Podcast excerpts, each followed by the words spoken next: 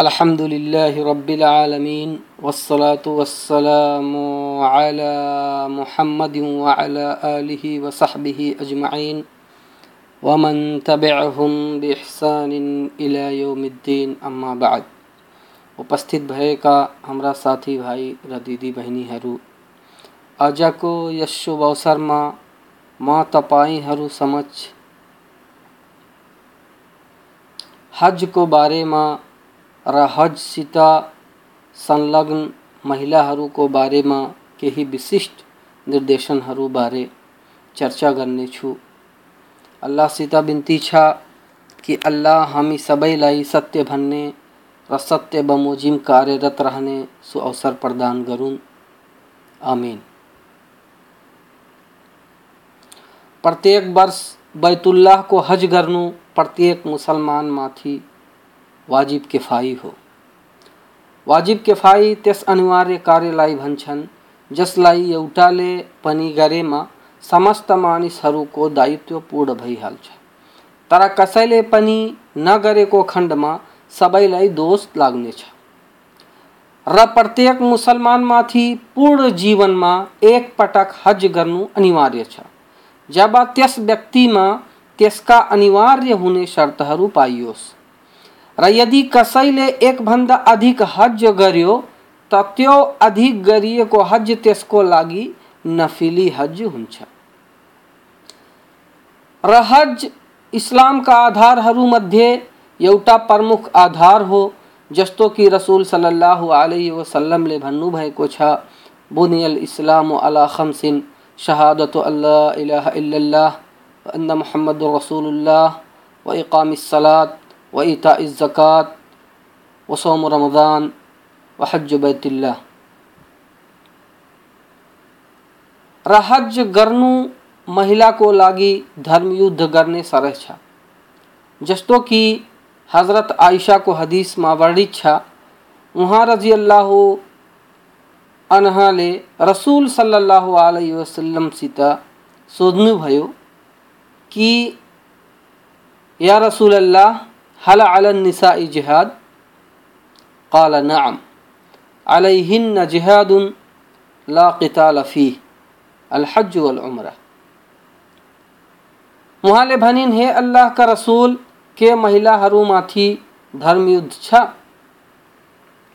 त रसुल सल्लल्लाहु अलैहि वसल्लमले भन्नुभयो किन छैन छ तर त्यो धर्मयुद्ध यस्तो खालको छ जसमा युद्ध छैन।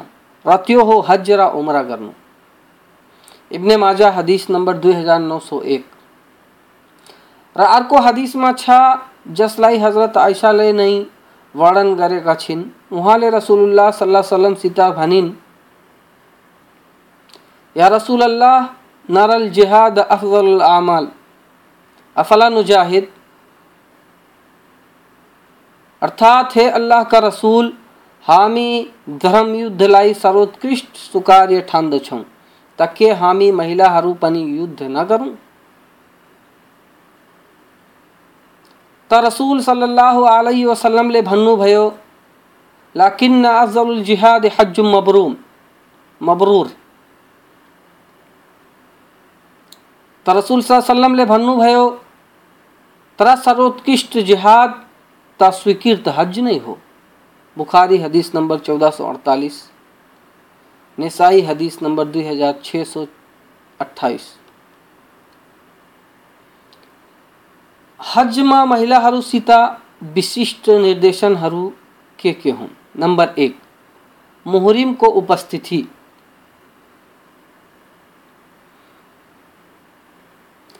हजका केही शर्तहरू पुरुष र महिला दुवैका लागि एकनास र समान छन्।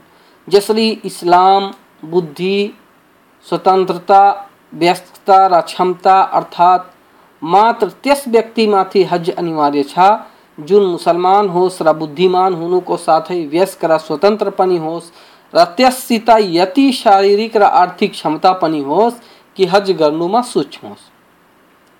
त यी शर्तहरू महिला पुरुष दुवैका लागि एकनाश छन्। तर महिलाको लागि एउटा शर्त यो पनि छ कि त्यसको साथमा त्यसको कुनै मुहरिम पनि होस्। जसको साथमा त्यो हजको यात्रा गरोस् र त्यसको मुहरिम हो, त्यसको लोग्ने वा ती आफन्तीहरू जससित विवाह गर्नु कुनै अवस्थामा पनि जायज़ नहोस्, जसरी कि पिता, छोरा, भाइ आदि। वा कुनै जायज़ कारणले त्यसबाट विवाह गर्नु जायज़ नहोस्, त्यो पनि त्यसको मुहरिम भइहाल्छ। जसरी दुधिया भाइ वा त्यसको दोस्रो पिता, वा त्यसको सौतेला छोरा आदि। र यसको प्रमाण हो इब्ने अब्बासको त्यो हदिस, जसमा उहाँ रज़ी अल्लाह अनहुको भनाइ छ कि उहाँले रसुलुल्लाह सल्लल्लाहु अलैहि वसल्लमलाई खुतबा दिइरहेको समय यो भन्दै सुन्नुभएको छ कि बिना मुहरिम कोही पनि कुनै अपरिचित महिलाको साथ एकान्तमा नजाओस् र कुनै महिला बिना मुहरिम कुनै यात्रा नगरोस्। अनि एउटा मानिसले उभेर भने, हे अल्लाहका रसुल, मेरो स्वास्नी हजको लागि गएको छे र मैले आफूलाई फलाफला युद्धको लागि नामाङ्कित गरिसकेको छु। त रसुलुल्लाह सल्लल्लाहु अलैहि वसल्लमले भन्नुभयो, जाऊ र आफ्नो स्वास्नीको साथ हज गर। बुखारी, हदिस नम्बर सत्र सौ त्रिसठ र मुस्लिम, हदिस नम्बर तेह्र सौ एकतालिस। र इब्ने उमरको वर्णन छ कि रसूल सल्लल्लाहु अलैहि वसल्लम ले भन्नु भयो, ला तुसाफिरुल मरअतु सलासन इल्ला मअहादु मुहरिम। महिला तीन दिन जति को यात्रा बिना मुहरिम न गरोस्। बुखारी हदीस नंबर एक हज़ार छत्तीस, मुस्लिम हदीस नंबर तेरह सौ अड़तीस। र यस विषयमा थुप्रै हदिसहरू वर्णित छन्, जुन हज को यात्रा वा कुनै अरू यात्रा बिना मुहरिम गर्नुबाट मनाही गर्दछन्। किनकि महिला प्राकृतिक तौरले कमज़ोर हुन्छ, त्यसलाई पनि यात्रामा ती कष्टहरू सम्मुख हुन्छन्, जसको मुकाबला मात्र पुरुषहरू गर्न सक्छन्। र यो कुरो पनि छ कि महिला मानिसहरूको आकर्षण केन्द्र र हृदय रोगीहरूको अभिष्ट पनि हो। यसर्थ त्यसको लागि यो आवश्यक छ कि त्यसको साथमा कुनै यस्तो मुहरिम होस् जुन यी समस्त कुराहरूबाट त्यसको सुरक्षा गरोस् र पापीहरूको कष्टबाट त्यसलाई बचाओस्। नम्बर दो, लोग्नेको अनुमति लिनु। जब त्यसको यो हज नफली होस्, त त्यसलाई आफ्नो श्रीमानसित अनुमति लिनु अति आवश्यक छ।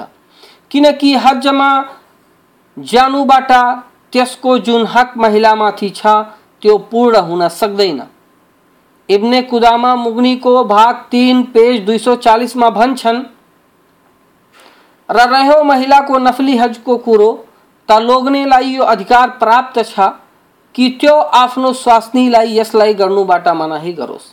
र इब्नुल मुन्जिरको भनाइ छ कि म जति विद्धहरूबाट विद्या ग्रहण गरेको छु, समस्तको दृष्टि यो नै थियो कि लोग्ने मान्छे आफ्नो स्वास्नीलाई नफली हजबाट रोक्ने अधिकार राख्दछ किनकि स्वास्नीमाथि लोग्नेको हक अनिवार्य छ जसलाई त्यो महिला निलम्बित गर्न सक्दैन यस्तो कार्यको कारण जुन अनिवार्य छैन, जसरी कि दास मालिकको अधिकार निलम्बित गर्न सक्दैन नम्बर तिन, हज र उमरामा महिला अर्को मान्छेको तर्फबाट पनि हज उमरा गर्न सक्छ।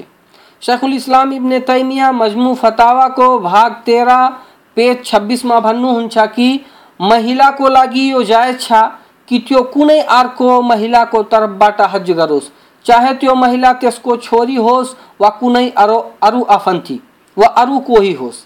र यस कुरामा समस्त विद्धहरूको सहमति छ र यस्तै चारौँ इमामहरू र अधिकांश विद्धहरूको दृष्टिमा महिलाको लागि यो पनि जायज़ छ कि त्यो कुनै पुरुषको तर्फबाट पनि हज गर्न सक्छ। जस्तो कि हदीसमा छ कि नबी सल्लल्लाहु अलैहि वसल्लमले खुसउम गोत्रकी महिलालाई त्यसको बुवाको तर्फबाट हज गर्ने आदेश दिएका थिए। जब त्यसले उहाँ सल्लल्लाहु अलैहि वसल्लमसित यो सोधेको थियो कि, हे अल्लाहको रसुल, मेरो बुवा अति वृद्ध भइसकेका छन् र यति वृद्ध भइसकेका छन् कि उनी सवारीमाथि बस्न सक्दैनन् र उनीमाथि अल्लाहले आफ्नो भक्तहरूमाथि अनिवार्य गरेको हज अनिवार्य गरिसकेको छ त के म उनको तर्फबाट हज गर्न सक्छु? त रसुल सल्लाह वसलमले भन्नुभयो, हो, तिमी आफ्नो बुवाको तर्फबाट हज गर्न सक्छौ। बुखारी हदिस नम्बर चौध सौ बयालिस मुस्लिम हदीस नंबर तेह्र सौ चौतिस जबकि पुरुष को एहराम महिला को एहराम भन्दा परिपूर्ण हुन्छ। नंबर चार, महिलालाई रजस्वला वा सुत्केरीको रगत आउन थालोस्, त त्यो के गरोस्? जब हज हजको लागि जाँदा बाटोमा महिलालाई रजस्वला वा सुत्केरीको रगत आउन थालोस्। तैपनि त्यो आफ्नो यात्रालाई निरन्तरता दियोस् त यदि यस्तो एहराम लगाउनुको समय भएको होस् भने त्यो पनि उस्तै एहराम लगाओस् जसरी पवित्र महिलाहरू लगाउँछिन्। किनकि एहरामको लागि पवित्रता शर्त छैन। इब्ने कुदामा मुगनीको भाग तिन पेज दुई सौ तिरानब्बे, दुई सौ चौरानब्बेमा चौरानब्बेमा भन्नुहुन्छ कि एहरामको समय महिलाहरूको लागि स्नान गर्नु उस्तै वैधानिक छ, जसरी पुरुषहरूको लागि छ। किनकि यो हजका कार्यहरूमध्येको हो। र यस्तै रजस्वला र सुत्केरीको अवस्थामा भएकी महिलाहरूको लागि, त अरू आवश्यक छ। यस बारेमा हदिस हुनुको कारण। हज़रत जाबिरको वर्णन छ कि हामी जब जुल हुलैफा पुगे, त अस्मा बिन्ते उमैसले मोहम्मद बिन अबी बकरलाई जन्माइन्। त उनले कसैलाई रसूल सल्लल्लाहु अलैहि वसल्लम समझ पठाएर सोधिन् कि अब म के गरौँ? त रसुल सल्लाह वसलमले भन्नुभयो, तिमी पनि स्नान गरेर कुनै कपडाद्वारा लगोट झैँ बाँध अनि एहराम लगाऊ। बुखारी हदीस नंबर सोलह सौ तिरानबे मुस्लिम हदीस नंबर बारह सौ अठारह इब्ने अब्बासको वर्णन छ कि नबी सल्लल्लाहु अलैहि वसल्लमले यो पनि भन्नुभएको थियो, एहराम लगाउने समय र जसोला र सुत्केरीको अवस्थामा भएकी महिलाहरू पनि एहराम लगाउन् र बैतुल्लाहको तवाब बाहेक हज का समस्त कार्यहरू गरून्। अबू दाऊद हदीस नंबर सत्रह सौ चौवालीस। र रसूल सल्लल्लाहु अलैहि वसल्लमले हज़रत आयशा रज़ी अल्लाह अनहालाई हजको नियत गर्ने आदेश गरेका थिए, जबकि उनी रजस्वलाको अवस्थामा थिइन्।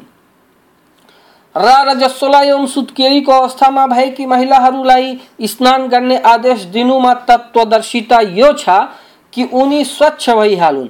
र उनीहरूबाट जुन दुर्गन्ध आउँछ, त्यो स्वच्छ भइहालोस्, ताकि अरू मानिसहरूलाई उनीहरूबाट कष्ट नपुगोस्।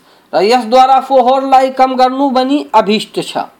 र यदि उनीहरू एहराममा छिन् र रजस्वलाको वा सुत्केरीको रगत आउँदै गर्छ भने उनीहरूको एहराममा कुनै फरक पर्दैन यसर्थ उनी आफ्नो एहराममा बाँकी रहन्छन् र इहरामका वर्जित कुराहरूबाट बाँच्दै गर्छिन् र बैतुल्लाहको तवाफ तबसम्म गर्दैनन् जबसम्म कि रजस्वला अथवा सुत्केरीको रगतबाट पवित्र भई स्नान नगरिहालुन् यदि रजस्वला अथवा सुत्केरीको रगत अरफात को दिन आयो, र उनीहरूले हज्जे तमत्वको नियत गरेका छिन् भने तिनीहरू हजको लागि एहराम लगाउँछिन् र हजलाई उमरासित मिश्रित गरिदिन्छन् अर्थात् हज किरान गर्नेवाली भइहाल्छिन् जसमा हज र उमरा एउटै एहरामले गरिन्छ। र यसको प्रमाण हो, यो हदिस हज़रत आइसा रजियल्लाह अनहालाई रजस्वला आयो, यस्तो अवस्थामा कि उनी उमराको एहराम लगाइसकेका थिइन् अनि जब रसुल सल्लल्लाहु अलैहि वसल्लम उनीको पासमा आए, त उनी रोइरहेका थिइन् त उहाँ सल्लल्लाहु अलैहि वसल्लमले सोधे, तिमी किन रोइरहेका छौ? कदाचित तिमीलाई रजस्वला आएको होला। त हज़रत आइसा रजियल्लाहु अन्हाले भनिन्, हो, मलाई रजस्वला नै आएको छ। त रसुल सल्लल्लाहु अलैहि वसल्लमले भन्नुभयो यो यस्तो कुरो हो, जसलाई अल्लाहले आदमकी छोरीहरूमाथि लेखिदिएको छ। यसर्थ तिमी पनि ती सबै कार्यहरू गर, जुन हाजीहरू गर्छन्, तर बैतुल्लाह को तवाफ न गर्नु।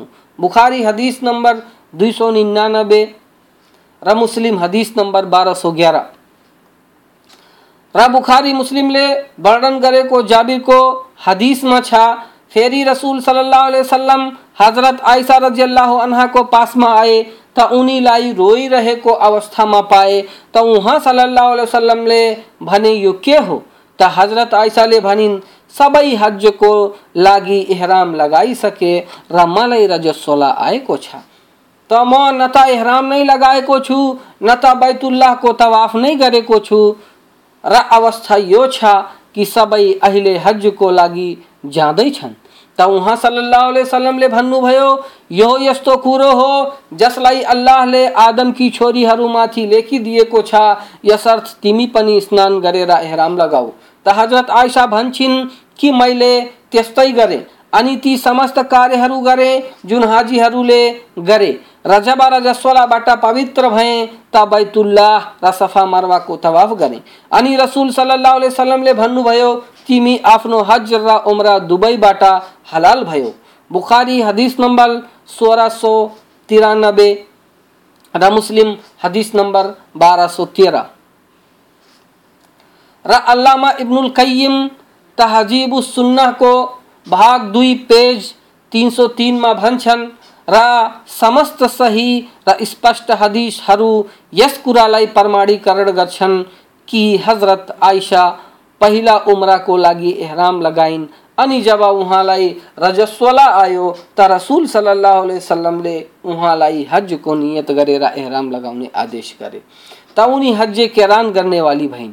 र यसै कारण रसुल सल्लाह वसल्लमले यो भनेका थिए, बैतुल्लाहको र सफ़ा मरवाको एक पटक तवाफ गर्नु तिम्रो हज र उम्रा दुबईको लागि पर्याप्त छ। अबु दाउद हदिस नम्बर सत्र सय पचासी। सफ़ा मरवाको तवाफ गर्नुको अर्थ हो, त्यसको सही गर्नु, ती दुबई बीच दुगुर्नु। नम्बर पाँच एहरामको समय महिलालाई के के गर्नुपर्छ महिला पनि त्यही कार्यहरू गर्छे, जुन पुरुषहरू गर्छन्, जसरी स्नान गर्नु, स्वच्छ हुनु, अर्थात् कपाल, नंग आदि काट्नु, यदि त्यसको आवश्यकता छ। ताकि एहरामको अवस्थामा त्यसको आवश्यकता नआइपरोस् जबकि एहरामको अवस्थामा यस्तो गर्नु निषेधित हुन्छ। र यदि यी कुराहरूको त्यसलाई आवश्यकता छैन भने यसलाई गर्नु त्यसमाथि अनिवार्य छैन, किनकि यो एहरामको विशेषताहरू मध्येको होइन र यसमा पनि कुनै आपत्ति छैन कि कुनै यस्तो सुगन्ध आफ्नो शरीरमा प्रयोग गरोस्, जसको सुगन्ध तीव्र नहोस्, जस्तो कि हज़रत आयशा रज़ी अल्लाह अनहाको हदिसमा छ कि हामी रसुल सल्लाह वसल्लमको साथमा निस्कन्थे अनि एहराम लगाउँदा आ आफ्ना निधारहरूमा मिस्क एक प्रकारको सुगन्ध प्रयोग गर्थे। अनि जब हामी मध्ये कसैलाई पसिना आउँथ्यो त मिस्क पसिनाको साथ हाम्रा अनुहारहरूमा बगिहाल्थ्यो र यसलाई रसुल सल्लाह वसल्लम हेर्थे, तर यसबाट मनाही गर्दैनथे अबु दाउद, हदिस नम्बर अठारह सौ तीस। र भाग छ, पेज सेवेन्टी नाइन। र इमाम शौकानी नैलुल अवतार को भाग पाँच, पेज बाह्रमा भन्छन्, यस कुरामाथि रसुल सल्लाह वसल्लमको चुप लाग्नु, त्यसको वैधानिक हुनुमा प्रमाणीकरण गर्छ। किनकि उहाँ सल्लाह वसल्लम कुनै अवैधानिक कार्यमाथि चुप लाग्दैनथे नम्बर छ, एहरामको नियत गर्दा बुर्का र नकाबलाई उतार्नु। एहरामको नियत गर्दा महिला, यदि एहरामभन्दा पहिला बुर्का र नकाब लगाएको छ भने त्यसलाई उतारोस्। र नकाब एवं बुर्का एउटा कपडाको बनेको वस्त्र हो जसलाई अनुहार ढाक्नुको लागि प्रयोग गरिन्छ। जसमा आँखाले हेर्नुको लागि आँखा जतिको पाल बनाइएको हुन्छ। र यसको प्रमाण हो, रसूल सल्लाह अलैहि वसल्लमको यो कथन। एहराम लगाएको महिला नकाब न लगाओस् बुखारी हदीस नंबर सत्रह सौ इकतालीस यस्तै तिर्मिजी हदीस नंबर आठ सौ तैतीस, नेसाई हदीस नंबर छब्बीस सौ इक्यासी।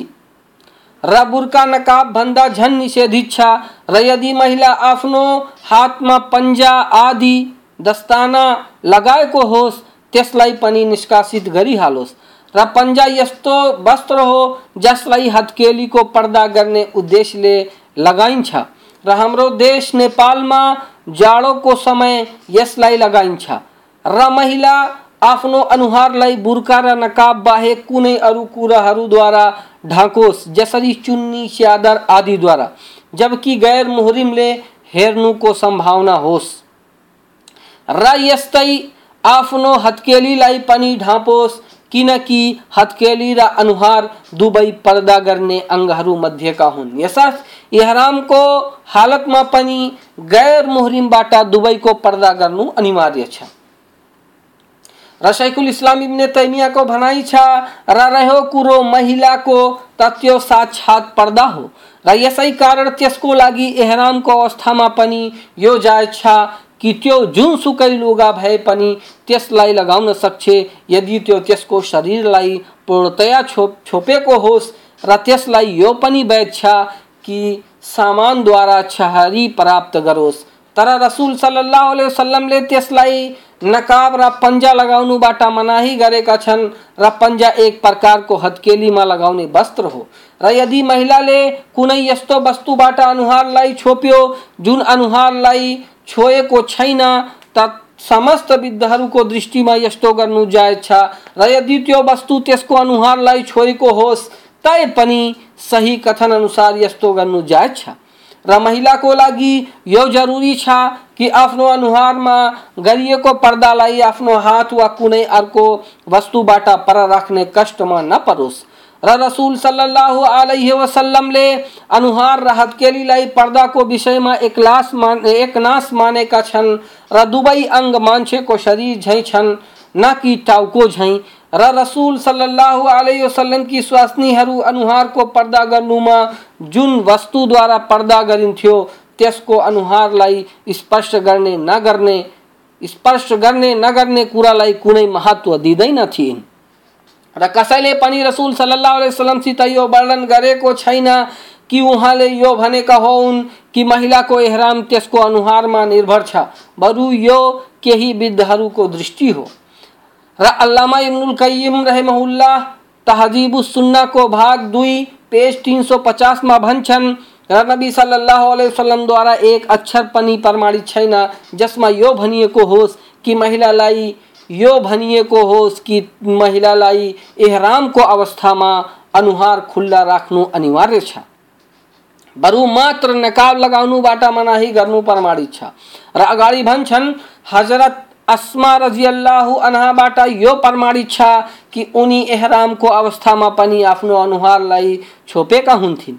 र हज़रत आइसा रज़ी अल्लाह अनहाको भनाइ छ कि सवारहरू यात्रीहरूका समूह, हामीहरूको निकटबाट गुज्रन्थे र हामी रसुल सल्लाह वसल्लमको साथमा इहरामको अवस्थामा हुन्थे।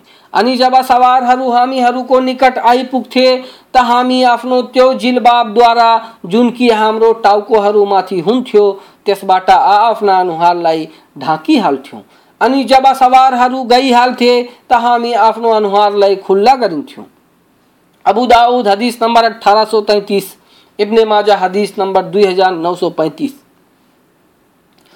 त तिमीहरूलाई ज्ञात रहोस्, हे मुसलमान महिलाहरू, तिमीलाई त्यस वस्त्रद्वारा अनुहार र हत्केलीलाई छोप्नु निषेधित छ जसलाई विशेष रूपले त्यसैलाई छोप्नुको लागि बनाइएको छ।